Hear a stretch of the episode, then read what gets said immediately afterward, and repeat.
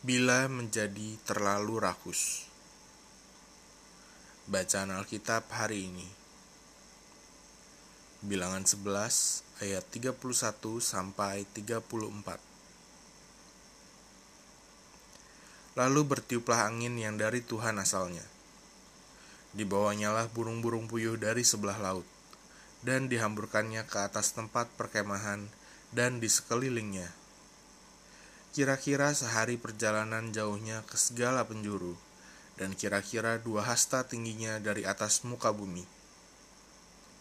Lalu sepanjang hari dan sepanjang malam itu dan sepanjang hari esoknya, bangkitlah bangsa itu mengumpulkan burung-burung puyuh itu. Setiap orang sedikit-dikitnya mengumpulkan sepuluh homer. Kemudian mereka menyebarkannya lebar-lebar sekeliling tempat perkemahan. Selagi daging itu ada di mulut mereka sebelum dikunyah, maka bangkitlah murka Tuhan terhadap bangsa itu, dan Tuhan memukul bangsa itu dengan suatu tulah yang sangat besar. Sebab itu dinamailah tempat itu Kibrot Ta'awa, karena di sanalah dikuburkan orang-orang yang bernafsu rakus. Ayat hafalan Amsal 23 ayat 2 Taruhlah sebuah pisau pada lehermu bila besar nafsumu. Renungan inspirasi di zaman internet sekarang, mukbang menjadi konten video kuliner favorit banyak orang. Menyantap aneka makanan dalam porsi yang banyak seakan menjadi satu hal yang menarik dan menyenangkan. Pada 23 Juni 2020, Wang, seorang food vlogger China yang hobi mukbang, tewas. Ia meninggal setelah merasa pusing dan mati rasa sesaat melahap semangkuk besar olahan daging. Awalnya Wang dilarikan ke rumah sakit. Namun setelah tujuh hari bertahan, Wang pun meninggal. Adapun penyebab kematiannya adalah karena Wang makan terlalu banyak. Bagi sebagian orang, nafsu makan yang besar dianggap lumrah. Namun, jika kita makan secara berlebihan, tentulah bisa membahayakan tubuh. Seperti bacaan firman Tuhan hari ini menceritakan sebuah kisah mengenaskan. Ada banyak umat Israel yang mati karena kerakusan mereka. Suatu kali mereka ingin sekali makan daging. Mereka mulai menangis. Ah, manakah daging untuk kita? Bilangan 11 ayat 4, terjemahan firman Allah yang hidup. Pada akhirnya Tuhan memberi mereka makan daging. Tuhan pun mengirim burung-burung puyuh di sekitar perkemahan mereka. Karena begitu bernafsu, mereka langsung memakan daging tersebut. Sehingga selagi daging itu masih di mulut, mereka mati dalam kekonyolan mereka sendiri.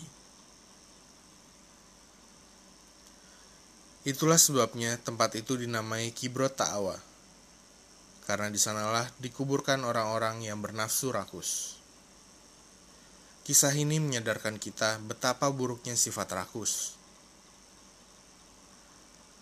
Penulis Amsal sendiri mengingatkan kita untuk menahan keinginan apabila kita memiliki nafsu makan yang besar.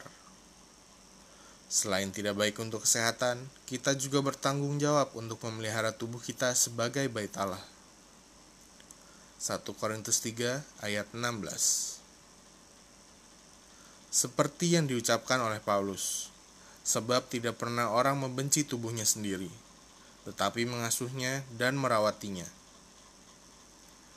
Efesus 5 ayat 29 bagian A. Maka pastikanlah bahwa makanan yang masuk ke tubuh kita adalah makanan yang cukup dan bermanfaat. Cukuplah beberapa suap bagi kita untuk menyehatkan tubuh agar dapat beraktivitas dengan baik. Apabila keinginan kita tidak dapat dihindari, cobalah pikir efek dan kerugian yang akan diakibatkan oleh kerakusan itu. Yang harus dilakukan. Makanlah secukupnya. Pilihlah makanan yang baik bagi kesehatan tubuh. Refleksi diri. Pertama, mengapa kita tidak boleh rakus? Karena rakus termasuk dalam dosa. Dan seperti yang dikatakan di Alkitab, rakus tidak baik untuk kesehatan tubuh kita. Kedua, apa pesan firman Tuhan perihal sifat rakus? Rakus adalah sifat yang buruk. Kita tidak boleh memiliki sifat rakus.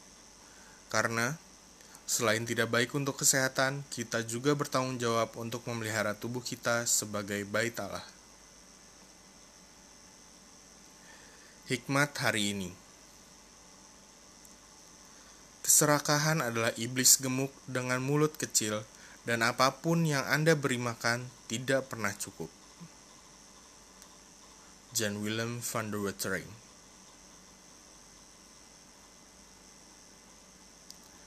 Pokok doa Ya Tuhan, tubuhku adalah bait roh kudus. Ajarlah aku untuk menjaga kesehatanku dengan baik. Dengan memperhatikan makananku dan mampukan aku untuk menguasai diri terhadap nafsu makan yang berlebihan. Di dalam nama Tuhan Yesus, aku berdoa. Amin.